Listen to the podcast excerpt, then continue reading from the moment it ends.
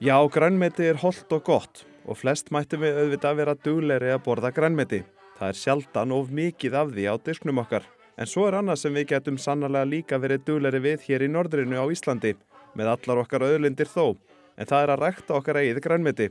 Við framleiðum aðeins brota brota því sem við neytum og þrátt fyrir að grænkerum fjölgi stöðugt og neistlan eftir því, sérstaklega meðal ungs fólks, þá hefur framleiðslan minkað á sama tíma síðustu ár.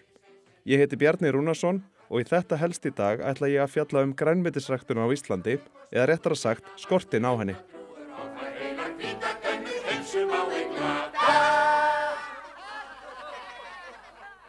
Framleysla á grænmeti hér á landi er af ymsum toga. Mest er framleitt af kartöblum, gúrkum, paprikum og tómutum. Það er þá aðeins brot af því sem við kaupum og neytum. Samtalstendur framleysla á grænmeti á Íslandi undir 43% af því sem við neytum. Þannig er ekki helmingi. Restin er flutt inn með tilherrandi kostnaði og kolumnispori. Það eru gloppur í því sem kallað er grænmetis dagatal. Það er dagatalið þar sem frambóð er af einstökum tegundum grænmetis. Til að mynda fæst kvítkál, kínakál, núðkál, spergilkál og blómkál aðeins nokkra mánuði á ári. Þá verða íslenskar paprikur illfámanlegar núna í desember og koma ekki eftir á markað fyrir ný mars. Ég fór og hitti Axel Sæland, formann deildar gardirkjubænda innan bændasamtækana, í hlirri og notalegri gróðrastöð, Espiflutt í Reykjóldi í Bláskóabigð og spurði hann hvernig litla Ísland getur orðið sjálfið sér nætti í grænmyndisræktun.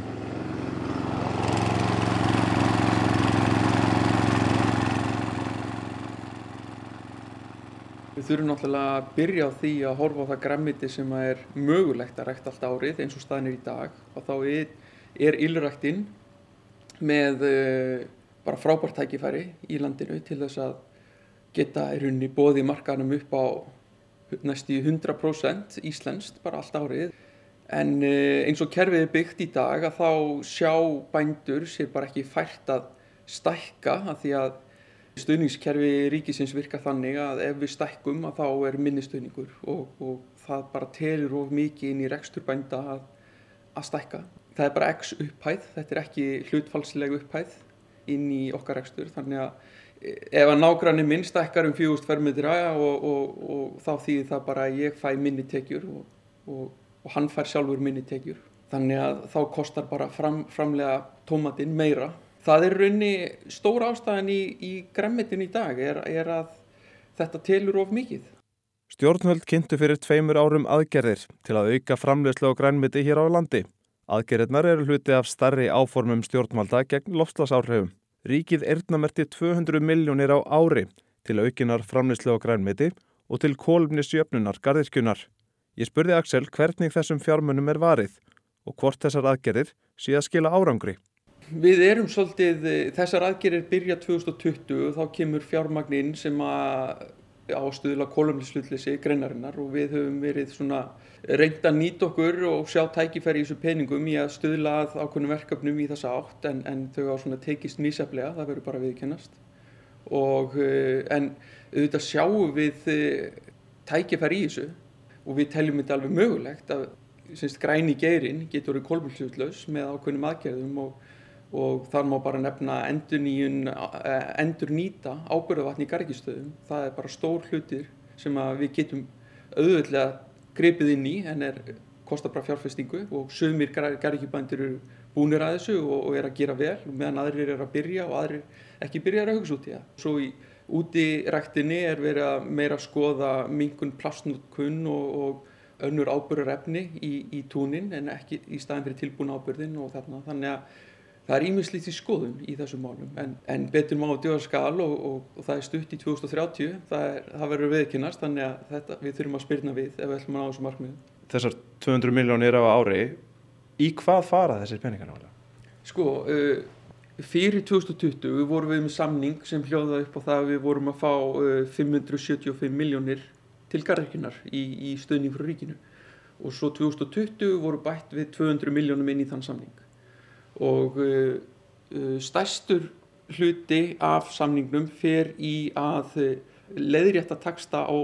flutning rávorku. Það er það að garðikju stöðvarnar hérna á Íslandi, það er borga sama flutningsgjald og hvert annað heimili á Íslandi og svo kemur þessi stöðningu frá ríkinu sem er ekkert annað en leiðrétting og taksta vegna þess að það er í galið að við séum að borga sama sömu flutningsgjöld og hvert annað heimili. Þarna fer stærsti parturinn af, af samningum svo fer eh, hlutur, eh, hlutir af þessu fer beint til tómata, gúrku og papirku framleganda að því þeir eru beinni samkeppni við innflutning að það er engin tollar á þessum vörum. Þá fer, fá þeir eh, styrka móti. Og svo er hlutur sem fer í útirækt þar sem þú fær styrka á hvern hektara sem þú ræktar. Og svo er í verkefni fá líka stuðning, það er aðlöðuna lífrannum framlýsluháttum, það er kólamnis hlutleysi og það er kynbóta fjö í þessu, í þessu samning og, og við reynum náttúrulega eftir fremsta magni að nýta þennar samning eins og við getum en, en núna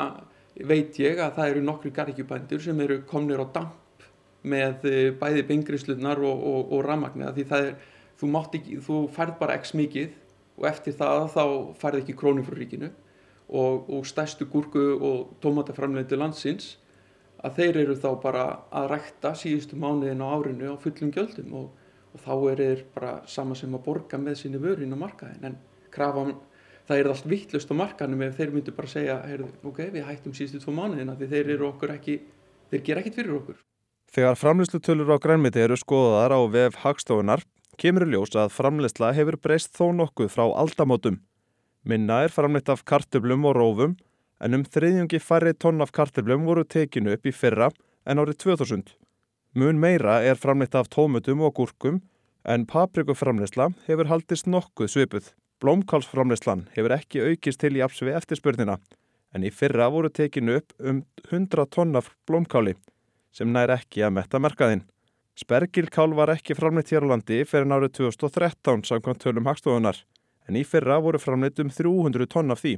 sem er stökk í frambóði með við árin þar á endan. Í skýslum fæðuöryggi á Íslandi er tekið fram að mikill innflutningur græmitis þrengi að möguleikum til meiri innlendrar framleiðslu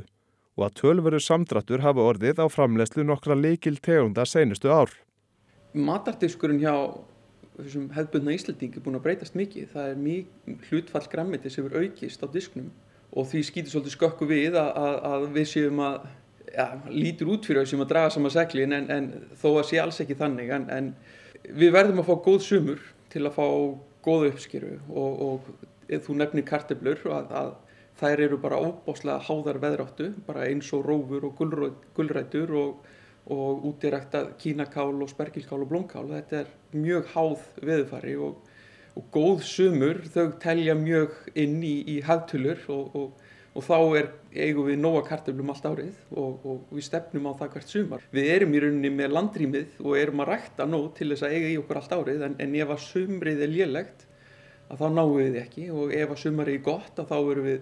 rauninni fyrir við lengra og þá eru við komið með karteflur sem eru bara að fara í vinslu og, og eru þá notaðir í,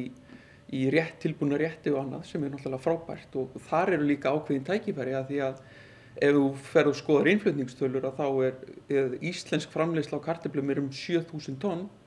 en innfluttar karteflur eru líka um 7000 tonn. Við getum næst í tvöfaldar framleysluna og átt í okkar tilbúnurétti eða franskarnar eða bökunarkarteflunar og þetta þannig að það eru líka hellist hækifæri en við búum í Íslands veðufar og, og, og kerfið er ef ég kem inn á það aftur að það eru engar tryggingar í útirækt það er ekki hægt að tryggja útirækt og þar að leiðandi eru bændur alltaf að leggja ákveðin áttu þátt í að taka þátt í þessu Maður horfur á Ísland og maður sér allan hérna jarðvarma, nóg af hreinu vatni, nóg af landrými Akkur eru við okkur, ekki okkur sjálfum okkur nóg um grefið? Já, þetta er nefnilega... Eða áhverju stoppar það? Það skýtur svolítið skökku við, ég veit það, og, en, en sem betur fyrir hafa komið aðlærin á markaðin sem eru svona ákveðni bröðtriðendur í, í nýsköpun og, og, og lífrannræktun er svona að reyna að fóta sig út í ræktinni og hefur sömbú hafa nátt gera vel og svo núna á síðustu tveimur árum er náttúrulega hörðu bentnir komið kvítlögin á markaðin og og það hefur meira sem verið að gera rannsóknur í Íslandi og, og það er ákveðin svæð á landinu sem eru mjög heppilegt til laukaræktunar en samt eru við ekkert að pæla í þessu og, og af hverju ekki? Jú vegna þess að innflutti laukurinn hann kostar saman ekki neitt og þá er það bara auðveldar í leiðin og, og það er kannski svolítið hlutur sem við erum ofta að horfa á hvað er auðveldast frekar en hvað er æskilegast þetta auðveld er þægilegt þanga til að gengur ekki upp eins og vísa var til í kveik á dögunum þá er græmdisræktur mjög háð innflutningi með aðföng og tilbúin ábyrð sérstaklega. Er eitthvað sem við getum gripið til hér á landi eitthvað lífra nefni eða eitthvað slíkt sem við getum skipt þessum efnum út fyrir? Sko ég sé það kannski ekki ganga alveg upp í ylrekt í dag, allavega ekki eins og staðinir hjá okkur núna en maður veit aldrei hvað árin gera með betri þekking og þróun en maður sér kannski frekar í útirækt að það sé ákveðin tækifæri og ég tala nú ekki um þegar bændasamtiki núna voru að gera samning við landeldi í Þóllásöfn og þar sem að á að fara að vinna mikið frá lagsinum og, og jafnvel fá mikið frá kúabúum til þess að e, búa til túnáburð hreinlega. Þannig að það er strax komin eh, tölurtækifæri mm. og, og, og það er ekkert sem segir að sá, sá ábyrðu sem kemur út í þeirri framlöslu get ekki nýst út í rættindum þannig að þar eru tækifæri en í dag er engin ekkert sjáanlegt að við séum að fara að framleiða ábyrg sem er vassleysanlegu sem við þurfum í ylrættinni þannig að við erum bara mjög háð innfluttum ábyrði í ylrætti hérna á Íslandi. Svo er eitt sem er áhugavert. Ræktendur þurfa koltvísýning til að framleiða grænmeti en í skýslu um fæðuröki á Íslandi sem gerð var í fyrra fyrir gamla atvinnu og nýsköpunaránetið kemur fram að eftirspurt eftir koltvísýningi sem framleitur er hér á landi hafi undan farin ár aukist vegna bjórframleyslu. Grænmyndisbændur eiga erfiðara með að verða sér úti um kúta vegna þess að þeir fari í auknum mæli í bjórframleyslu og verðið hafi hækkað þar á leiðandi. Já, já, þetta er bara, þetta er bara hrein samgefni um vöru og, og uh, það er lítið frambóð á koldusýringu í Íslandi. Það er eitt fyrirtæki að framleiða koldusýringu í Íslandi og uh, það þarf koldusýring í gós og bjórframlegslu og við þurfum koldusýring í ylræktinni að því að koldusýringur er bara eins og súrefni fyrir okkur plantan þrýfst á koldusýring og það er hennar byggingarefni og eh, eftir því sem okkur fjölgar og þá þurfum við meiri koldusýring í gardirkjuna og, og, og eh, bjórframlegendur og, og gósframlegendur þurfum meiri koldusýring í sína framlegslu en koldusýringsframlegsla á Íslandi hefur ekkert aukist undanferðin ár og þar að leiðandi hefur uh, aðmiskilist bara verið flutt inn til að fylla upp í þau göð sem að hafa verið á markanum og ef við ætlum að sjá tækifæri í dag að þá er það annarkvort að fá stóru orkufyrirtækin á Íslandi sem er í jarvarma að reyna að hrensa koldisringin sem kemur frá þeirra virkinum betur til þess að gera hann eh, eins og við kallum að einsku food gradable þannig að við getum notað hann í okkar framlýslu mm -hmm. eða bara reynlega flytja hann inn það eru bara þessir tveir möguleika sem við sjáum í dag og það er nóga koltvísýringi frá þessum virkinum. Já, aðmiskilst að þá kemur tölurveru koltvísýringur með jarfamannum upp og, og þarna eru ákveðin tækifæri og, og uh, núna sjá fyrirtækin meiri tækifæri því að, að dæla honum aftur í jörðina og, og kristallan og gera hann að bergi en, en, en það er svolítið sárt að sjá það gerast þegar það er vöndun á honum í, í, í okkar ræktun. Hver er svona framtíðarsýn garðirkjunar, hvernig á að fá fólk inn í þessa, þessa atvinnugrein og bara hvernig er raunhæft og mögulegt að auka framlýstina hérna einlega? Já sko við þurfum byrja því að horfa á ungviðin í dag. Hvað er það sem að vekur áhuga? Hvað er það sem að fær þau til að tikka? Hvað fær þau til þess að sína þessari grein áhuga umfram annað? Og hinga til höfu svolítið horta á að Eh, þau þurfa að ná okkur þroska til að vilja verða garrikifræðingar en það er kannski ekki rétt að nálgunin, kannski þurfum við bara að sína um hvernig staðan er og hvað tækifæri eru markanum að því gardirkja í dag er ekki að vera út í beð og reyta arfa, gardirkja er bara orðin allt, allt annar markaðar í dag mm. og þetta er bara orðin fyrirtæki og þetta er orðin stór rekstur og þetta er mikil velta og, og ég vil meina bara ákveðin tækifæri því að, að lifa vel í þessum uh, í gardirkju og, og þarna þurfum við að fanga áhuga og, og ég eigði oft stórun tíma dagsins bara við það að fara yfir tölvuupplýsingar og skoða hitastig, rakastig, vögvun, ábyrðargildi, pH-gildi, sírugildi og annað í, í, í okkar ræktun og þetta þarf að svona, koma að segja, analæsa og, og ef maður má sletta og, og bara fylgja eftir og passa upp á plöntunum líði vel og, og sinna þeim sko. þetta, segi, þetta, er, þetta er bara orðin svolítið annar business og, og við þurfum svolítið að sína fólkinu að, að bara sína, opna fyrirtækinu okkur og sína fólki hvað við erum að gera sko. Og þú ert meiri framlýslustjóri heldur en bóndi? Já, í raunni er ég, er ég orðin það sko. En, en svo á móti kemur eru við lítið leia og, og það er hörð samkeppni í dag. En e, samkeppninu kannski ósækjöfn að mörgu leiti er að við notum einhverju græn orku í okkar framlýslu sem að, jú ok, maður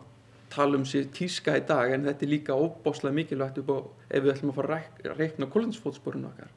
Og við erum að framlega vöru hér á Íslandi sem er kannski með áttfalt minna kólninsfótspor en erlendis. Mm. og þetta finnst manni að þurfi að koma sterkar inn í umræðina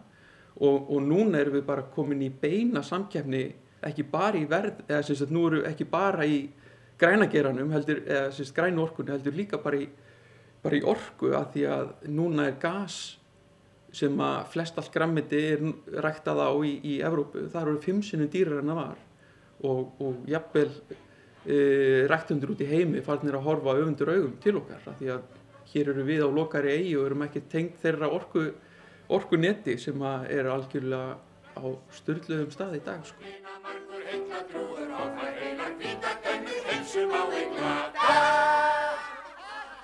Saði Axel Sæland, formaður deildar grænmetisbænda hjá bændasamtökunum.